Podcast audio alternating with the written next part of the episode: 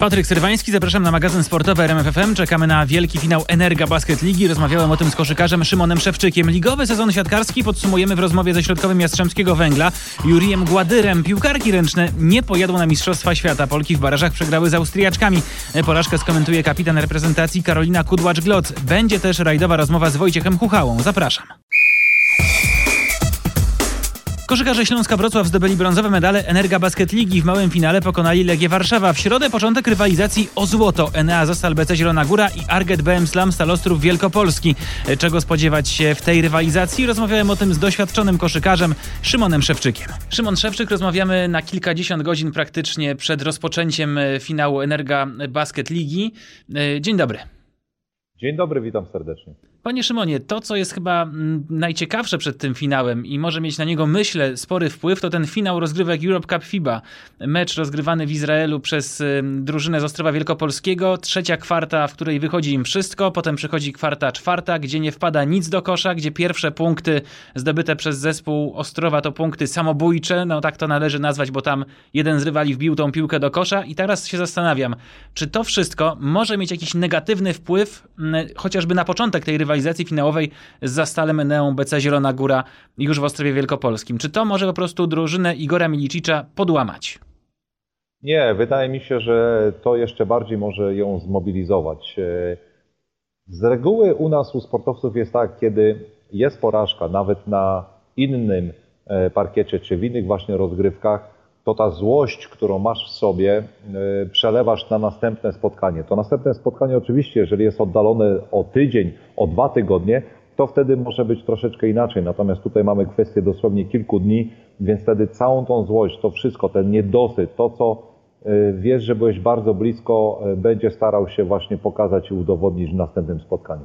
Mieliśmy tą bańkę półfinałową, później finaliści się nam rozjechali, bo e, Zastal grał mecz w Astanie, do Izraela udała się Stal i teraz też pytanie tutaj o... Mm, pewien kalendarz, bo Zastal miał troszeczkę więcej czasu, wrócił za Stany, tam rozegrał tylko jedno spotkanie, wrócił, miał kilka dni więcej jakby na ten pobyt w domu. Stal wraca, no nie na ostatnią chwilę, ale tego czasu jest troszeczkę mniej. I tutaj pytanie o to, jak te dwa sztaby trenerskie powinny zareagować i czy wystarczy czasu na odpowiednią regenerację zawodników, biorąc pod uwagę to, że teraz tych meczów będzie, no, y, będą bardzo mocno skompresowane w czasie. Czy ten czynnik może odegrać tutaj rolę, czyli i długość ławki, i odpowiednia regeneracja? E, jak najbardziej długość ławki jest e, kluczowa, w szczególności właśnie w takich e, spotkaniach, chociaż sam nie ukrywam, grając jeszcze właśnie pod wodzą Igora w Anwilu, mieliśmy sytuację, gdzie wszyscy podkoszowi byli kontuzjowani. Właśnie Josip Sobin, który teraz gra w Ostrowie, czy Michał Ignerski doznał kontuzji. Ja praktycznie całą serię finałową grałem sam jako wysoki przeciwko drużynie z Torunia. I można powiedzieć, Da się, da się, tylko tutaj jest kwestia, wiadomo, samej regeneracji i plus do tego jeszcze e, odpowiedniego przygotowania. Przygotowujesz się przez cały sezon mentalnie, jak i również fizycznie. Mi to wszystko, że tak powiem, mnie uskrzydliło. Wiedziałem też, że Michał Ignerski nie może grać, więc to jeszcze bardziej mnie zmotywowało. Tutaj kluczowe, przede wszystkim długość ławki, e, te spotkania, to co, to co powiedzieliśmy wcześniej, to co Ty też powiedziałeś, Patryku, 28, 29, 1, 3, 4 to jest dzień po dniu, e, praktycznie jest grane e, i e, to, jak właśnie trenerzy rozłożą ewentualnie siły, może mieć kluczowe dla tej serii, ale jak i również ewentualne kontuzje czy jakieś małe, drobne urazy. Miejmy nadzieję, oczywiście nikomu nie, nie, nie życzę tego, że czasami ktoś może z tej rotacji wypaść. Stelmet, bym powiedział, troszeczkę zawęził tą rotację w ostatnich spotkaniach. Trener e, Jean Tabak e, pozwolił sobie na to. E, natomiast Igor Milicic, wiadomo, bardzo dobry zespół na obwodzie ma. Pod koszem również jest, jest całkiem ciekawie, ale Igor stosuje różne kombinowane systemy obronne i tutaj też to może gdzieś wybijać z rytmu zawodników z Zielonej Góry. A ten argument, który pojawiał się już przed półfinałami, to znaczy, no mamy tą bańkę i nawet trenerzy czy Śląska, czy Legii zwracali uwagi, uwagę na plusy y, tej bańki, czyli no, no, na jakieś zabezpieczenie się zawodników przed y, koronawirusem. Z drugiej strony no, ta bańka w Ostrowie Wielkopolskim, no, ta własna klepka, własny parkiet, własne jakieś miejsce w hali, które się doskonale zna. W półfinale to rzeczywiście, no, nie, nie, może nie będę mówił, że to było decydujące w półfinale stali, ale być może odegrało jakąś rolę, jakąś było pomocą czy ułatwieniem.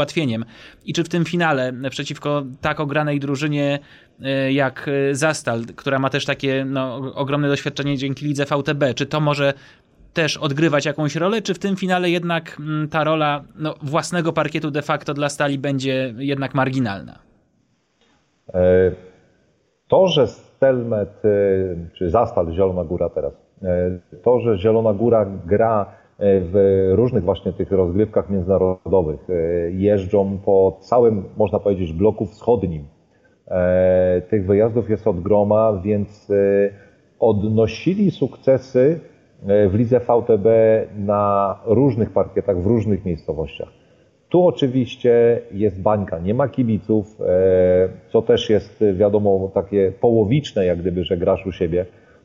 Natomiast dla Stelmetu wydaje mi się to nie będzie żaden duży, duży problem. Zastal, zastal bezproblemowo E, podejdzie do, do tych spotkań. Zresztą złość, która u nich wiem, że w drużynie jest, e, w szczególności to, że zajęli pierwsze miejsce właśnie po sezonie e, i powinni te spotkania rozgrywać u siebie, na tyle ich nakręca, na tyle ich motywuje, że na pewno nie będą odpuszczać. Jaki jest problem według mnie w samym zespole właśnie z Zielonej Góry, to jest to, że oni zawsze z reguły powoli rozpoczynają. Oni dopiero wrzucają te taki drugi, trzeci, nawet czwarty bieg E, pod koniec trzeciej kwarty, ewentualnie w czwartej. E, I tutaj jest pytanie, żeby nie było powtórek właśnie z tego e, FIBA Europe Cup, z tego finału, gdzie Ostrów był już bardzo blisko, był naprawdę o krok, ale ta czwarta kwarta no, wyglądała może, nie, nie chcę powiedzieć, że fatalnie, no ale bardzo źle. Miałem możliwość oglądania właśnie na, na kanale internetowym tego to spotkanie poniekąd, bo akurat byłem, byłem w pracy, komentowałem akurat swoje spotkanie e, i e, gdzieś tam widziałem to, co się mniej więcej działo. Tutaj e, będzie obwód przeciwko podkoszowym. Podkoszowi z Zielonej Góry, obwód natomiast z Ostrowa.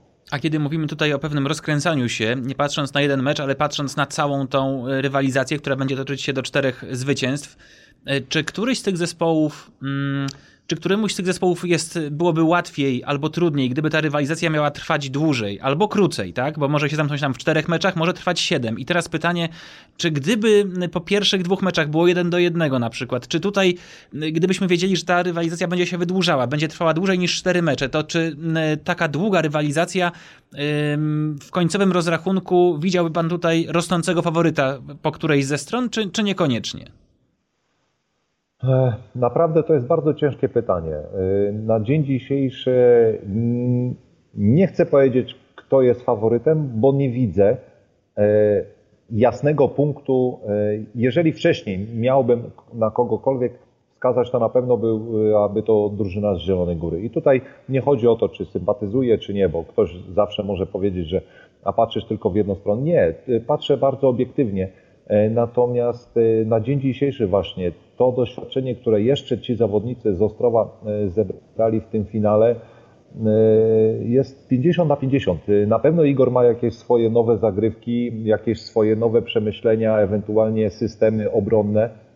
I też jest pytanie, jak jego obwodowi odpalą, bo tak to można powiedzieć. Wiadomo, E, świetny e, garbacz, który, który potrafi e, rzucić niewiarygodną ilość trójek, zasypać rywali tymi trójkami, czy też Florenc. Tak pod koszami wydaje mi się, że centymetry będą na, na korzyść drużyny z Zielonej Góry. Grossel e, powinien mieć naprawdę łatwo, ale też wiadomo, szybki atak Stelmetu, e, który grają, plus do tego właśnie doświadczony koszarek na rozgrywaniu nie jestem w stanie na dzień dzisiejszy wyłonić jednego e, faworyta tej rywalizacji, tym bardziej sam jestem tym e, nakręcony i oczywiście będę oglądał te spotkania.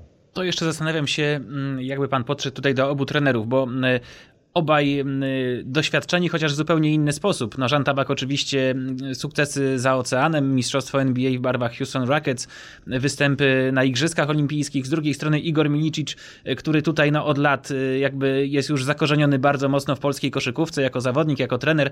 Jego syn przecież zadebiutował w reprezentacji Polski, więc takie dwie zupełnie inne drogi, można powiedzieć, jeśli chodzi o tą karierę koszykarską. Obaj spotykają się teraz w walce o finał i zastanawiam się, czy to też jest ważny element, który który, którego tutaj może troszkę y, przechytrzyć, że tak powiem. No, wydaje się, że to większe doświadczenie jednak tak, no, po stronie y, tabaka, także z powodu tego, w jakiej lidze występował. Ale czy tutaj to będzie bardziej jednak walka y, koszykarzy na parkiecie, a, a może jednak bardziej walka tych dwóch osobowości, bo to obaj silne osobowości przecież. Jak najbardziej. E, dwóch świetnych trenerów, e, dwóch świetnych taktyków, e, jeden trzymający bardzo mocno swoją drużynę, chwalący. Jean Tabak, drugi rok e, pracy e, z tym zespołem. Bardzo dużo e, przebudowy było. Natomiast no, znam Igora doskonale, wiadomo, zaczynaliśmy razem w Koszalinie, później trzy lata spędzone razem we Wrocławku. To jest, można powiedzieć, świeże spojrzenie Igora, to cwaniactwo, to, to takie zaskoczenie ewentualnie przeciwnika, plus e, to, co e, jest najlepsze właśnie w, w tabaku, czyli ta prostota tej gry. E, bo koszkówka jest piękną grą i Jean Tabak stara się wyciągnąć z zawodników to, co jest najlepsze, czyli normalna gra na pick and rollu, szybki atak, dobra, mocna obrona, zbiórka w, obro w obronie, wyprowadzenie właśnie tego szybkiego ataku, szukanie się nawzajem. I tu jest ta kwestia, że drużyna z Ostrawa będzie musiała to wszystko powstrzymywać w jakiś sposób, ale na to na pewno już Igor ma jakiś, sposób, y, jak, jakiś pomysł. To nie pytając o przewidywania, y, bo to rzeczywiście trudna sprawa, ale y, chyba zgodzimy się, że liczymy na to, że to będzie dłuższa rywalizacja niż czteromeczowa. Chciałbym bardzo. Powiem tak, sobie, Tobie Patryku, Państwu tego życzę, bo, bo Im więcej tych spotkań będzie, tym e, bardziej będzie to e, ciekawe. Chociażby walka o brązowy medal, która rozstrzygnęła się w ostatniej, można powiedzieć, sekundzie dogrywki. Rzutem jeszcze za trzy przez ręce. Więc to jest, to jest coś, coś niesamowitego. Dlatego ta, ta dyscyplina, koszykówka jest tak piękna, bo jest nieprzewidywalna. Do ostatniej sekundy musisz walczyć o swoje to jeśli y, mówimy już o tym rzucie za trzy Stewarta, to jeszcze y, skończę tą naszą rozmowę troszeczkę innym wątkiem, ale właśnie związanym z rzutami z dystansu, bo mamy teraz nowy rekord Ligi NBA. Steven Curry ustanowił nowy rekord, 85 celnych trójek w kwietniu, tak? Taki miesięczny rekord. Tak. Y, poprawił wyczyn Jamesa Hardena i zastanawiam się, gdzie jest jakaś taka granica tych rzutów z dystansu, bo koszykówka nam się mocno zmienia. Dzisiaj tymi największymi gwiazdami są właśnie ci, którzy potrafią rzucać z dystansu, którzy robią to z niesamowitym niesamowitą e, jakby częstotliwością. E, pojawił się tutaj w naszej rozmowie e, Garbacz chociażby, to z takiego naszego podwórka, ale czy to jest właśnie taka przyszłość koszykówki jeszcze nie do końca rozwinięta, bo widzimy jak to mocno się zmienia, ile tych rzutów z dystansu jest, jest ich coraz więcej. Steven Carreno jest absolutną gwiazdą, jeśli chodzi o te rzuty z dystansu, już od paru lat zadziwia i to nie tylko rzucając gdzieś z samej linii, tylko gdzieś no nawet 2-3 metry od tej linii. Także chciałbym jeszcze o to spytać, czy to jest taka tendencja, znaczy ta tendencja jest doskonale widoczna, ale czy ona będzie jeszcze się pogłębiać w kolejnych y, latach NBA, no a z NBA idą potem te wzorce na cały koszykarski świat przecież. Wydaje mi się, że tak. Y, bardzo rzadko y, można teraz spotkać na mapie rzutów, bo tak to, tak to wygląda, rzuty właśnie z pół dystansu. Te proporcje tak bardzo się rozwarstwiły i załamały, że z reguły to jest gdzieś właśnie w okolicach obręczy lub ewentualnie rzuty właśnie z załuku za trzy. E, I to jest, to jest ta kwestia, że to raczej będzie szło w tą stronę, bo e, jeżeli masz rzucić powiedzmy z pół dystansu z piątego czy szóstego metra, to dlaczego nie, nie cofnąć się o metr dalej i rzucić za trzy, tak? Masz zawsze o jedno oczko więcej. Natomiast e, pod koszem wiadomo, zawsze są penetracje, zawsze są rzuty, wsady i tak dalej. Ta dysproporcja, która jest teraz właśnie widoczna, wydaje mi się, że ona będzie się jeszcze bardziej pogłębiać, chociaż trenerzy na to zwracają uwagę i bardzo chcą e, i życzyliby sobie właśnie e, po tak zwanych e, short rollach, czyli, czyli po takim małej zasłonie i powiedzmy krok, dwa w dół, gdzie zawodnik dostaje tą piłkę i ma ewentualnie oddać rzut. Ale takich akcji dzisiaj się bardzo mało gra. żeby ten rzut właśnie oddać z pół dystansu. I też tak wygląda właśnie ta mapa. Ale to jest bardzo, bym powiedział, bardzo ciekawe, bo musi wyciągają, wy, wyciągani są zawodnicy wysocy w obronie na zewnątrz, natomiast ci, którzy stoją pod koszem, to właśnie idą na deskę, dobijają, zbierają, penetrują i tak to, tak na razie ta koszykówka wygląda.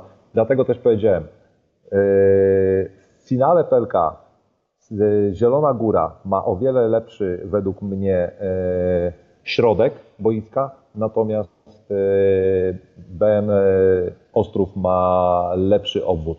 I tutaj będą te właśnie dysproporcje, kto lepiej na tym parkiecie się zaprezentuje. W takim razie czekamy na pierwszy pojedynek i zobaczymy, jak długo potrwa ta rywalizacja. Maksymalnie 7 finałowych spotkań nas czeka, minimum 4.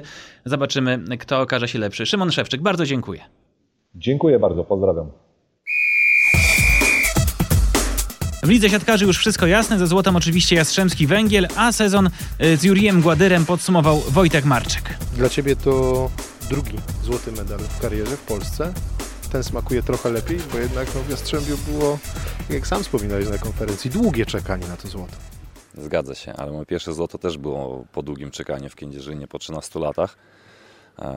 Więc nie mogę stwierdzić, że to było lepsze uczucie, bo tamten medal był złoty pierwszy w mojej karierze po 7 latach gry w zespole i, i, i po prostu tamten smakował też wyjątkowo, czego nie da się E, ukryć, ale jak, jak wspomniałeś, y, mieliśmy świadomość tego, że 17 lat to jest szmat czasu i, i to społeczeństwo czekało na ten, na ten sukces bardzo, bardzo długo i od razu po, po skończeniu tej ostatniej piłki mm, no było czuć nawet bez udziału kibiców na trybunach e, uniesienie w powietrzu tej ekscytacji tych ludzi, którzy byli tutaj na sali. E, tych pracowników hali, wszyscy, którzy tutaj na co dzień e, przez wiele, wiele lat czekali na ten sukces i do tego nie dało się nie dostrzec. I to naprawdę było wspaniałe uczucie, że potrafiliśmy zafundować tak wielkie emocje tym ludziom trener Gardini zostaje, jak trener Gardini przyszedł, co sobie pomyślałeś? No bo ty, tych takich perturbacji, o których też wspominałeś w tym sezonie, u was było wyjątkowo dużo i można było odnieść wrażenie, że no chyba tego nie udźwigną tak czysto po ludzku. Nie, no czemu, cały czas y, tak, dotknął, dotknął nas koronawirus dość mocno, przez tam chyba pięć albo niektórzy siedzieli pięć razy na kwarantannie, niektórzy tam po cztery razy, ale to z całą pewnością nie, nie ułatwiało nam e, budowanie formy na jakieś najważniejsze momenty sezonu. I, i ta Liga Mistrzów nam odpadła jeszcze, byliśmy tym mocno rozgoryczowani że po takiej walce klubu z, z, Federacją Europejską, żeby dopuścić nas do tych eliminacji i zrobić wszystko do tego, żeby byliśmy w tej Lidze Mistrzów, udało się i tutaj od razu na, na starcie to było przekreślone, więc y, też mieliśmy swoje nadzieje związane z tym turniejem, w którym zawsze jest świetnie występować. I to był też jakby jeden z tych czynników, który nas mocno podbudował. Tak niektórzy mogą powiedzieć, zaoszczędzili się sobie sił. No nie, nie zgadzam się. Teraz Zaksa jest w finale Ligi Mistrzów i to jest coś, coś pięknego. Po prostu wszyscy usiądziemy przed telewizorami 1 maja i będziemy kibicować e, Zaksie odniesienia tego sukcesu. E, życzymy wszyscy, żeby oni wygrali i byli najlepsi w Europie. To to złoto będzie smakować jeszcze lepiej. Będziemy wiedzieli, że pokonaliśmy najlepszy zespół w Europie tego sezonu. No właśnie, o to chciałem zapytać, no bo ta Zaksa jednak nie ma co mówić. Zdominowała ten sezon zasadniczy, wy mocno goniliście i pokonujecie ich w finale. Abstrahuję od dyspozycji tego, nikt nie będzie pamiętał za parę lat, ale będzie pamiętał to, że wy pokonaliście Zaksę, która była wtedy w finale Ligi Mistrzów, bądź wygrała to złoto. Więc to złoto e, Mistrzostw Polski smakuje w tym sezonie trochę lepiej, ma jaką, taką, jakąś taką dodatkową wartość, że pokonało się no, takiego dominatora tego sezonu zasadniczego. Tak, zgadza się. Uważam, że pod tym względem smakuje to złoto lepiej, bo no to, jest, to, to jest prawdą, że Zaksa zdominowała cały sezon zasadniczy i w ogóle no, no, no, grali jak z nut. Było ciężko im się przeciwstawić, bo grali naprawdę wspaniałą siatkówkę. No, byli nie do ruszenia, byli monolitem. Na każdej pozycji mam wybitnych zawodników, którzy prezentują bardzo dobrą formę. E, jeszcze to wszystko widać, jak to pięknie układa Nikola Grbić. E, wszyscy w niego wierzą jako w ojca. Tam jest po prostu wspaniała atmosfera w drużynie panuje i, i oni po prostu jak jedna, jedna całość zawsze grają na tym boisku. Świetnie się to ogląda. E, I tak, tak, ja życzę im, żeby oni tego wygra to, to wygrali, bo to jest oczywiście marzenie każdego sportowca wygrać taki turniej, są Liga Mistrzów, sam byłem raz w Final Four, jeszcze wtedy, teraz już nie ma Final Four mm, i, i, i wiem, jakie emocje temu towarzyszą. I jeszcze przed tym, jak trafić, zawsze marzyłem. E, zawsze mówimy, że marzenia się spełniają, tylko trzeba wierzyć. No i ja zawsze marzyłem, żeby trafić do Final Four jak pojechaliśmy do Omska, do Rosji rozgrywać te, ten Final Four, mieliśmy wtedy świetną ekipę i naprawdę graliśmy bardzo świetną siatkówkę, wygrywając Puchar Polski, od razu polecieliśmy tam do Omska. I przylatując tam, nasz mecz był drugim. Wyszliśmy na halę i zobaczyliśmy, że Wielki Zenit Kazań przegrywa z Nowosybirskiem pierwszy półfinał i pomyśleliśmy, że no to jest wielka szansa dla nas, bo lepiej się nie da. Akurat Kuneo, przeciwko którym, któremu graliśmy w półfinale, grało cały sezon no, przeciętną siatkówkę, ale jakoś się dostali do tego Final Four. I, I, niestety jakoś to nas paraliżowało i w tym meczu przegraliśmy 3-2 e, po tej breaku po bardzo słabej grze, ale po tej breaku ulegliśmy. I później po tym meczu siedziałem sobie w szatni i zdałem sobie sprawę, że marzyć o tym, żeby trafić do Final Four, to było niewystarczająco. Że żałowałem i do tej pory żałuję, że nie marzyłem, żeby wygrać tą Ligę Mistrzów, a nie tylko trafić do tego Final Four.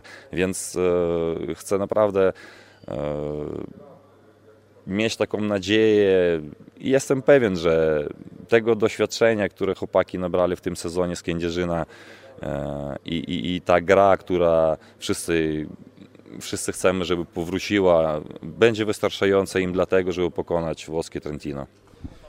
Prezes o tym wspominał, że ty od początku mówiłeś właśnie trochę bazując na tym doświadczeniu, że celem jest złoto. Celem nie jest finał, celem jest złoto.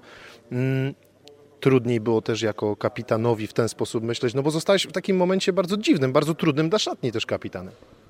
E, tak, zgadza się, ale jestem z natury takim człowiekiem, że, że ja lubię wyzwania i, i, jako sportowiec zawodowy nie mogę sobie myśleć, że finał, finał tylko wystarczy, więc y, po tym jak graliśmy w Euro Warszawa mm, w półfinale cieszyliśmy się ogromnie, że jesteśmy już w finale, ale pojawiło się wiele opinii, że, że to wystarczy Jastrzębskiemu Węglowi, ten, ten finał już zagwarantuje, zrobił im sezon i, i drugie miejsce też dla nich będzie sukcesem. Natomiast e, ja od razu powiedziałem, że nie, że, że to bzdury, że gadka o tym, że Zaksa musi wygrać, my możemy, to też e, nie podobałaś mi się takie, jak słyszałem, rozmowy, bo bo ja chciałem tak samo wygrać jak, jak każdy inny zawodnik w Kędzierzynie Koźlu, więc no, Przecież jak się gra w finale, to nie jest się szczęśliwym, że tam jesteś, tylko po prostu grasz o, o wygraną. I po prostu w tych dwóch meczach udowodniliśmy, że po prostu bardziej chcieliśmy, moim zdaniem, wygrać ten finał i to było widać na boisku, bo było ogromne poświęcenie, e, ogroma, ogromne wsparcie ze strony naszych chłopaków, zmienników, e, nawet e, ten obrazek, jak w czwartym secie Lukas Kampa się poszliznął i prawdopodobnie, e, nie nie chcę zapeszać, ale chyba z tego co rozmawiałem z nim prywatnie, to czeka go jakaś tam ingerencja w to kolano, naprawdę coś sobie zrobił i, i po prostu chłop stał, e, podskoczył parę razy na nodze i powiedział, no nie, o takie rzeczy się gra, może, może się nie zdarzy tak naprawdę w jego karierze takie, takie coś, bo, bo też już ma swoje lata i zacisnął zęby, dograł ten mecz do końca, zablokował Semeniuka na pojedynczym bloku po prostu kulejąc na tej nodze. To, to, jest, to jest ten obrazek, który pokazuje, że jak wielki charakter był w tym zespole i, i, i, tego, i tego naprawdę nie da się nie zauważyć. Wygraliście mentalem, tak jak wspominasz, ale ile twojego mentalu było w tym? Bo ja obserwując to często z boku, czy, czy w relacji telewizyjnej, czy na hali, e, miałem takie wrażenie, że ty też mocno napędzałeś drużynę, szczególnie w tych, tych trudnych momentach, czyli byłeś takim kapitanem nie tylko z nazwy, ale też takim kapitanem prawdziwym, co jest o wiele trudniejsze. Ja nie lubię wypowiadać się o sobie, niech o mnie się wypowiadają, ktoś o, o mnie wypowiada, taka jest moja rola. E, też jak mówisz, w trudnych momentach uznałem to za potrzebnie. Też tak naprawdę jestem najstarszym zawodnikiem w zespole, więc e, odczuwam też, odczuwałem też jakąś presję na tym, że po prostu Mm, poderwać zespół do walki, że nie mogło tak być jak po pierwszym secie w Kędzierzynie, jak nas zlali do 15, że no, to jest szansa stania przed wywalczeniem Mistrzostwa Polski i żeby tak ją zmarnować, y, powiedzmy jak frajerzy, no, no to, to, to byłoby kiepskie. Nie? Więc y, postąpiłem tak, jak postąpiłem, uznałem za słuszne i to, i to zaskutkowało więc mogę się tylko cieszyć z tego, że, że ktoś w tym widzi moją zaletę. Zostajesz, wiemy już, na przyszły sezon. Ten przyszły sezon z powodu tego złota będzie trudniejszy? No bo zawsze jest ta teoria bij mistrza. Mm, no tak, tak się zgadza, tak się mówi, że bij mistrza. Nie wiem, no, to, to, to będzie już inny sezon, inny, inny zespół przede wszystkim. Wiemy już tam z tych wszystkich doniesień mediów, że zespoły mocno się y, przemeblują, tak powiedzmy, i, i że każdy będzie chciał podnieść jeszcze bardziej poziom e, swojego zespołu, tak jak Asegoresowie Rzeszu, która tam sięgnęła po mocne posiłki i Scrabble Hatów będzie e, też niesamowicie mocna. My będziemy mocni. Zaksa nawet po tym wszystkim, co słyszymy, że odchodzi Bentoniuti i przychodzi do nas to oni też tam będą, ten trzon zespołu w jakimś tam stopniu będzie utrzymany. Mm, z tego co mi wiadomo, więc y, to też będzie dalej bardzo mocny zespół. Kogo jeszcze można zaliczyć? Zawiercie będzie bardzo mocnym zespołem, więc y, zbierają się ekipy. Warszawa będzie również mocna. Nie wiem, jakie one jeszcze tam zrobią ruchy transferowe, ale ci chłopacy, którzy zostają teraz i udowodnili, że ten sezon dla nich był potwornie ciężki mm, i z tego wszystkiego wyciągnęli jeszcze brąz na koniec, więc naprawdę gratulacje dla nich, bo naprawdę było ich ciężko pokonać w tym półfinale i, i zasłużyli na ten brąz i to oni będą też e, brali udział w rozgrywkach Ligi Mistrzów. Wielkie gratulacje dla nich. Pytając już na koniec, jakie plany teraz na ten okres trochę takiej przerwy, tego rozluźnienia? Co ty najlepiej lubisz robić w tym wolnym czasie, jak się relaksuje Juri Gładyr? Jak się relaksuje Juri Gładyr? No, mamy tak naprawdę taki pełno, pełne 3,5 miesiąca wolnego, bo nie gram w żadnej reprezentacji i ten czas poświęcam przede wszystkim na swoją regenerację, bo nie jestem już najmłodszym zawodnikiem i muszę do tego podchodzić w sposób profesjonalny, to, więc dla mnie to nie jest tak, że ja będę się obijał tam przez dwa miesiące, czy coś w tym stylu. Nie, bo oczywiście jak ja robię, to pierwszy miesiąc po prostu robię totalny luz, bo ten sezon był naprawdę wyczerpujący i tak długi, że już pod koniec sobie e, wpadłem na taką myśl, że ile ten sezon tak naprawdę już trwa, bo zaczęliśmy w połowie lipca, tak wcześniej nigdy nie zaczynałem jeszcze przygotowań do sezonu i on trwał trwał ze wszystkimi tymi perturbacjami i nie było te, te, temu końca. Więc trzeba na razie wyluzować po prostu totalny relaks przez jakiś tam czas, żeby żeby to ciało troszeczkę odpoczęły mięśnie, stawy i później oczywiście też trzeba zrobić jakieś tam zabiegi prewencyjne, tego typu wszystkie rzeczy. No i później już będzie okres taki, że w którym zacznę ćwiczyć na siłowni, chodzić znowu, jakby nabierać tą, tą formę przed, przed przyjazdem tutaj. Trzy mecze były niezbędne do tego, by wyłonić drużynę, która zdobędzie brązowe medale. Ostatecznie w tej rywalizacji Werwa Warszawa Orlen Paliwa okazała się lepsza od PGS Krybałchatów i o tym brązowym medalu mówi Andrzej Wrona. To jest diametralna różnica pomiędzy trzecim i czwartym. No niestety ten mecz o brązowy medal ma e, trochę inny zawsze e, smak niż, niż finał, bo w finale ma się ten srebrny medal, a, a tutaj zostaje się z niczym i ja już parę razy w życiu zostawałem z niczym i strasznie nie chciałem, żeby, żeby kolejny raz to się wydarzyło i, i na szczęście wygrywamy. Myślę, że e, oczywiście marzyliśmy o złotym medalu i też e, pokazaliśmy i my i Jastrzębie, że ten nasz półfinał był jednak mocniejszy e, w tym sezonie. Trzeba pamiętać skąd startowaliśmy w tych playoffach, a startowaliśmy z szóstego miejsca, e, więc z szóstego wskoczyliśmy na trzecie, mamy brązowy medal i smakuje on w tym sezonie jak złoty. Mamy Ligę Mistrzów w Warszawie w przyszłym sezonie, trzeci rok z rzędu. Mimo oczywiście wiadomo jaki był przebieg zeszłego sezonu, ale, ale myślę, że z tego się olbrzymie, jakby bardzo się cieszymy, e, bo to jest bardzo ważne dla, dla nas i dla, jako dla klubu i dla naszych sponsorów, to, że znowu będzie Liga Mistrzów, mam nadzieję, że z kibicami. No medal to medal, ta Warszawa tych medali nie ma tyle, co tutaj PGS Krabełchatów, e, gdzie już im brakuje trochę miejsca na, na trofea i na, dla nas każdy medal e, smakuje wyjątkowo. Piłkarki ręczne grudniowe Mistrzostwa Świata obejrzą tylko w telewizji. Niestety w rewanżowym meczu barażowym przegrały z Austrią. Po tej porażce rozmawiałem z Karoliną Kudłacz-Gloc. No ja mówiłam już przy losowaniu, że to jest zespół, który ja znam te zawodniczki bardzo dobrze. To są zawodniczki, które grają, e, odgrywają podstawową rolę w swoich zespołach, grają e, na wysokim poziomie, grają o, o coś e, na każdej pozycji i to był zespół bardzo dobry, więc z dobrym trenerem, który, który jest świetnym taktykiem i, po, i umie ustawić zespół, żeby nie dopuścić do tego, czego my na przykład byśmy chciały, więc ja tutaj naprawdę mm, absolutnie nie mówię, że to jest jakiś e, tragiczny wynik. Przegrałyśmy z zespołem no name'em, absolutnie tak nie jest. Rzeczywiście wiele lat się dobijały do czołówki światowej i, i było bardzo blisko. E, Zwietrzyły szanse, tak jak mówię, dzisiejszy początek meczu dał im jeszcze większą wiarę w siebie i w możliwości. No i to jest nasz błąd e, na pewno, a jeśli chodzi o, jeśli chodzi o przyszłość, no to był chyba tak naprawdę pierwszy mecz o taką wielką stawkę, że albo jesteś, albo cię nie ma, bo mistrzostwa to jest zupełnie co innego. Jesteś w grupie, e, grasz mecz, e, wyjdziesz dalej albo nie wyjdziesz, a tutaj rzeczywiście to był mecz e, pod presją, ogromną presją, mecz o, o stawkę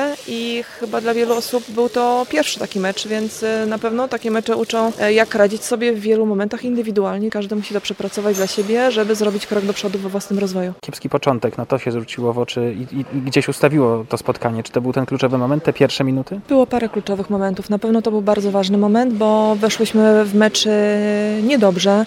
Od początku musiałyśmy gonić wynik. Dałyśmy wiarę Austriaczkom, że mogą tutaj powalczyć. I gonić wynik przez no, 40 minut jest bardzo trudno, traci się podwójnie siły i, i i na pewno to był taki punkt bardzo ważny, niemniej udało się. Druga połowa, gdzieś 15-20 minut było obiecujące, pokazało znowu nasz charakter i to, że walczymy do końca.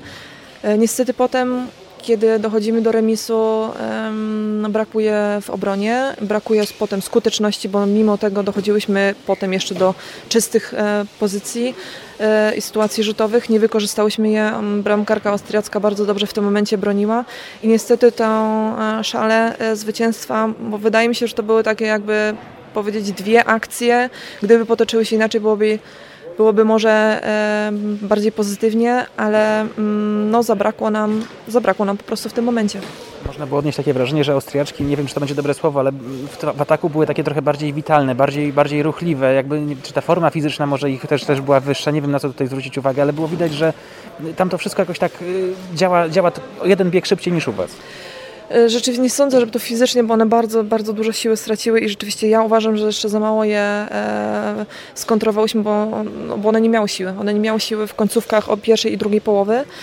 E, niemniej, tak jak mówię, my dochodziłyśmy do tych pozycji rzutowych, chyba było dwie czy trzy, gdzie e, w takich ważnych momentach wybroniła jeden na jeden Austriaczka, no i jak ma się tą pomoc bramce w takim właśnie momencie, jest to bardzo ważne.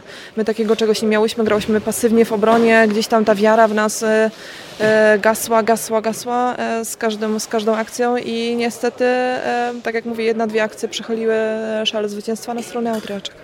Nie, poradziłyście sobie z zatrzymaniem Sony Frey, nie wiem, czy to można jakoś tutaj rozegrać taktycznie, taki, ta, taką zawodniczkę, bo rzeczywiście no, jakby tej akcje jeden na jeden no, były bardzo skuteczne i tą obronę bardzo łatwo rozbijała.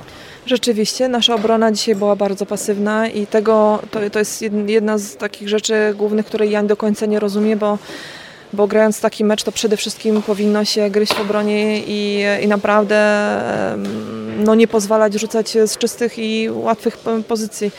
Więc e, uważam, że to było takim bardzo ważnym elementem tego, że przegrałyśmy ten mecz. Załamana po przegranym meczu była rozgrywająca Natalia Nosek. Natalia, powiedz, gdzie były Twoim zdaniem kluczowe momenty tego, tego spotkania? Bo wydaje się, że ten początek jednak no, przespany, tak to, tak to nazwijmy. Brakowało tam takiego pazura, takiego zadziora, który myślę pokazały Austriaczki. Wydaje mi się, że byliśmy bardzo dobrze przygotowane do spotkania. Analizę wideo, jak i taktycznie my same wiedziałyśmy, co mamy robić, ale po prostu atakowałyśmy bokiem do bramki, z czego dawałyśmy proste piłki i Austriaczki prowadziły kontratak. Wydawało się, że już na początku drugiej połowy łapiecie e, jakąś taką swoją lepszą grę ogólnie rzecz biorąc i łapały się też rywalki, było 16-16, potem 22-22 i kiedy wydawało się, że już tylko taki jeden kroczek, że może by się udało je złamać, następowały no, seriami, seriami wasze błędy. Jak myślisz, z czego to mogło wynikać? Nie, nie wytrzymałyśmy może presji. Ciężko mi powiedzieć. Wiem, że drużyna walczyła do końca i no, no niestety nie udało się nim. Trener mówi o tym, no, że jest y, rozczarowanie, bo chciały się pojechać do Hiszpanii, ale też mówi o tym, że wiele z Was zrobiło w ostatnim czasie duży, duży postęp, duży progres, że się rozwinęłyście jako zespół i jako zawodniczki wiele z Was indywidualnie zrobiło duży, duży postęp, ale czy to dla Ciebie teraz ma jakąś yy, wartość takie słowa, czy jednak no to rozgoryczenie porażką jest, jest, do, jest jakby tym głównym? Oczywiście, że słowa trenera mają wartość, tylko po prostu jesteśmy rozczarowane tym, bo wiemy, że jesteśmy, wierzę w to mocno i wiem, że jesteśmy lepszą drużyną od Austriaczek i że ten awans był w naszym zasięgu. Walkę w eliminacjach Mistrzostw Europy Polki rozpoczną jesienią.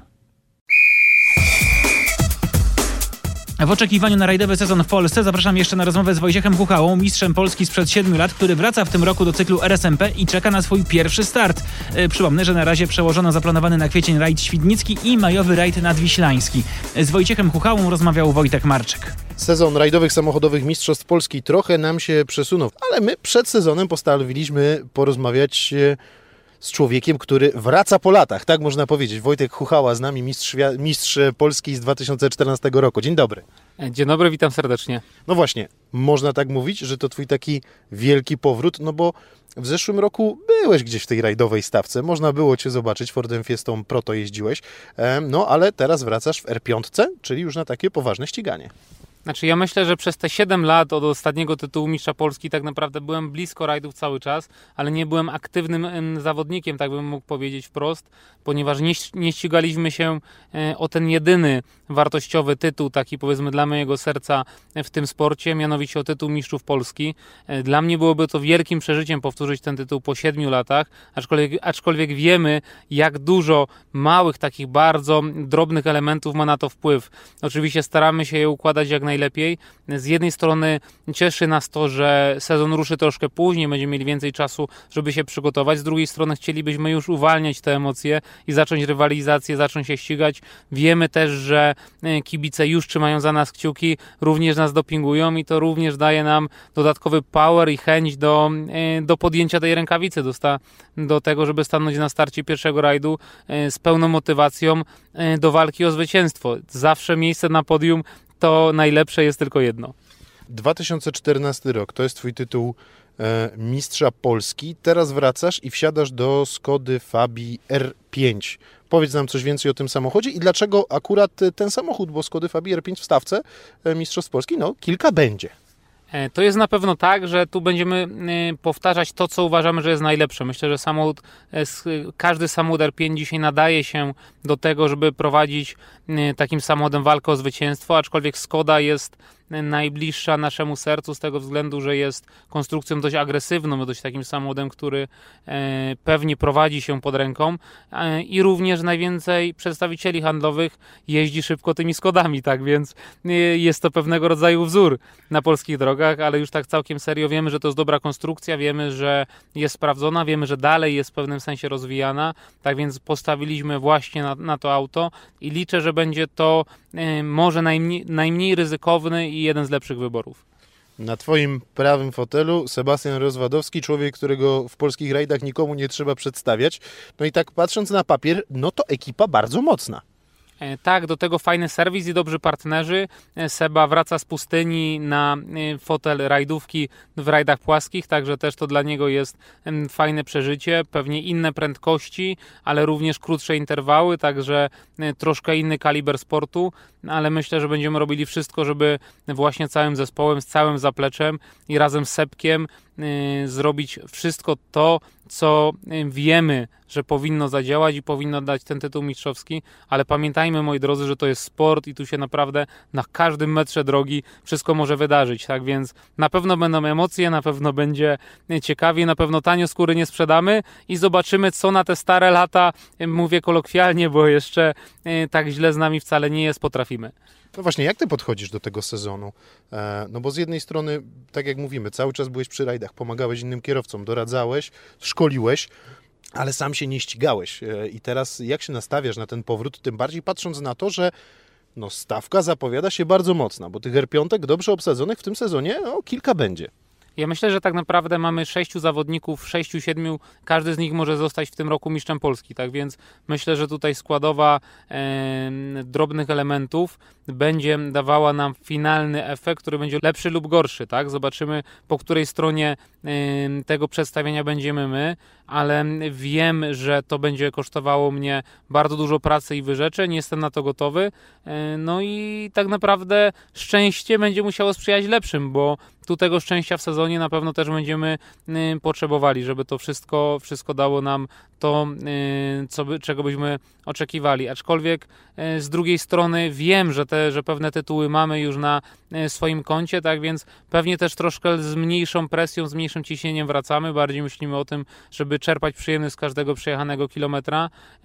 Dzisiejsze samochody R5 naprawdę mocno ewoluowały. Ten sport samochodowy, motorsport idzie z roku na rok coraz mocniej do przodu. Dopóki jeszcze nie mamy samochodów elektrycznych, y, to chcemy wykorzystać te spalinowe silniki do granic możliwości i, i, i dobrze się przy tym też bawić. No właśnie, wspomniałeś też o tych sześciu, siedmiu zawodnikach. Ty celujesz też w tytuł. Nie ma co ukrywać. Taki jest cel, że chciałbyś to Mistrzostwo Polski zdobyć. No to z kim będzie najtrudniej rywalizować? Pomówmy trochę o konkurencji. Ja myślę, że największym moim rywalem będę ja sam, tak? Bo e, po latach niekręcenia kierownicą e, w tak szybki sposób myślę, że największe wyzwanie to będzie przygotować siebie i e, wejść w stan głębokiej koncentracji, porzucić wszystkie problemy dnia powszedniego i myśleć tylko o tym, żeby się ścigać z punktu A do punktu B jako sportowiec, jako zawodnik. Mam tą duszę sportowca, wiem o tym, ale muszę ją obudzić i ona musi być aktywna przez cały weekend rajdowy, mm, tak więc to, to na pewno będzie wyzwanie. Jeżeli sobie z tym poradzę, to myślę, że inne przeciwności losu będziemy w stanie e, pokonywać. Tak? Wiemy, że inni zawodnicy będą szybcy, ale e, pamiętajmy o tym, że nie mamy absolutnie żadnego wpływu na to, co zrobi konkurencja. Mamy wpływ tylko na to, co jesteśmy w stanie zrobić my i na tym się tylko i wyłącznie koncentrujemy. To, że będą szybcy, inni zawodnicy, tak na pewno będą, ale zrobimy te, też to, żeby oni mogli o nas powiedzieć to samo, żebyśmy byli równie szybcy, jak nie szybsi, tak? Ale to, yy, tak jak mówię, ten proces y, przygotowania myślę, że jest sensowny, że jest konkretny, wykorzystuje doświadczenie też z nauki i prowadzenia innych młodych zawodników, tak więc to wszystko, co wpajałem młodym driverom, kierowcom rajdowym do głowy, będę sobie sam teraz odtwarzał, plus dodawał swoje yy, elementy tak, gdzie ja się już dobrze rozumiem i wiem, co dla mnie jest yy, ważne, żeby to, yy, to finalnie grało i, i prowadziło nas do tego wymarzonego celu. Jak ty podchodzisz do tego startu sezonu, bo no z jednej strony, tak jak mówisz, czas trochę gra na Twoją korzyść, bo jest więcej czasu na przygotowanie się, więcej czasu na testy, ale z drugiej strony, no ta chęć ścigania już pewnie jest. E, jasne, że jest i to jest tak, że strasznie zacieram ręce, żeby e, już wystartować, znowu powtórzyć ten moment, kiedy będę mógł wbić pierwszy bieg i polecieć odcinkiem specjalnym z maksymalną możliwą prędkością samochodu rajdowego. E, to daje niepowtarzalne emocje. To jest taki moment, który się pamięta na całe życie. Te, te emocje dają siłę i dają energię w tym codziennym procesie przygotowań. Tak więc oczywiście, że tęsknię i chcę zasiąść w fotelu rajdówki jak najprędzej, ale z drugiej strony też rozumiem organizatorów mm, e, rajdów obecnie, że sytuacja jest trudna i chcą mieć 100% pewności, że będzie to się dało zrobić e, bezpiecznie, ale ja po części też rozumiem, dzisiaj nikt nie chce brać ponadnormatywnej odpowiedzialności, każdy myśli o tym, żeby zrobić to rozsądnie, także ja wierzę w kompetencje organizatorów i wiem, że zdają sobie sprawę z tego, co robią, a taka bardziej jeszcze wyczekana walka myślę, że będzie smakowała jeszcze, jeszcze lepiej. Jak to się stało, że będziesz e, współpracował z Sebastianem Rozwadowskim? Bo tak jak już wcześniej wspominałem, to człowiek bardzo dobrze znany w rajdach. Tak jak ty też mówiłeś, on wraca z rajdów Baja, z rajdów piaskowych, z Dakaru, e, wraca na ten nasz e, w większości polski asfalt. E, Sebek to jest e, mój przyjaciel i gość, który bardzo mi również pomógł w mojej rajdowej karierze. E, Myślę, że bez niego osiągnięcia, które e, udało mi się e, wypracować, udało nam się, czy, czy w zasadzie zrobiliśmy to, bo, bo to wszystko jest efektem naszej ciężkiej pracy. Tak naprawdę, gdyby nie on, myślę, że tych efektów by nie było. I Seba w pewnym momencie swojej kariery sportowej stwierdził, że stawia na, na rodzinę, stawia na, na to, żeby spędzać trochę więcej tego wolnego czasu w domu, ale cieszę się, że w momencie, kiedy przekonałem go, że mamy projekt, w którym jesteśmy w stanie osiągnąć, powtórzyć e, sukces przed 7 lat, w końcu uwierzył i w końcu dał się przekonać i zasiądzie na e, prawym fotelu naszej rajdówki, bo uważam, że Seba e, z szacunkiem oczywiście i sympatią do wszystkich innych pilotów, z którymi startowałem, ale myślę, że Seba jest największym profesjonalistą lub jednym z większych profesjonalistów w polskim motorsporcie. Chciałem Cię też zapytać o przyjaźń z Tomkiem Kasperczykiem, bo to będzie bardzo ciekawa rywalizacja, bo ja wiem, że Wy poza trasami bardzo mocno się kumplujecie, a w mediach społecznościowych można nawet czasem zaobserwować, że lubicie sobie taką szpileczkę wbić, niczym w piłkarskiej szatni. E, To jest tak, że ja Tomka bardzo lubię, szanuję i nie mam serca z nim wygrywać, więc czasami po prostu oddaję mu odcinki walkowerem, ale to wszystko z sympatii, z entuzjazmu do jego osoby. Tak więc oczywiście e, będzie mi ciężko e, i myślę, że to jest jeden z takich najtrudniejszych emocjonalnych momentów, które, które na mnie czekają w tym roku. No to, że żeby zostać mistrzem Polski, będę musiał z nim wygrać i myślę, że to będzie zaraz po koncentracji na robocie będzie najtrudniejszym zadaniem.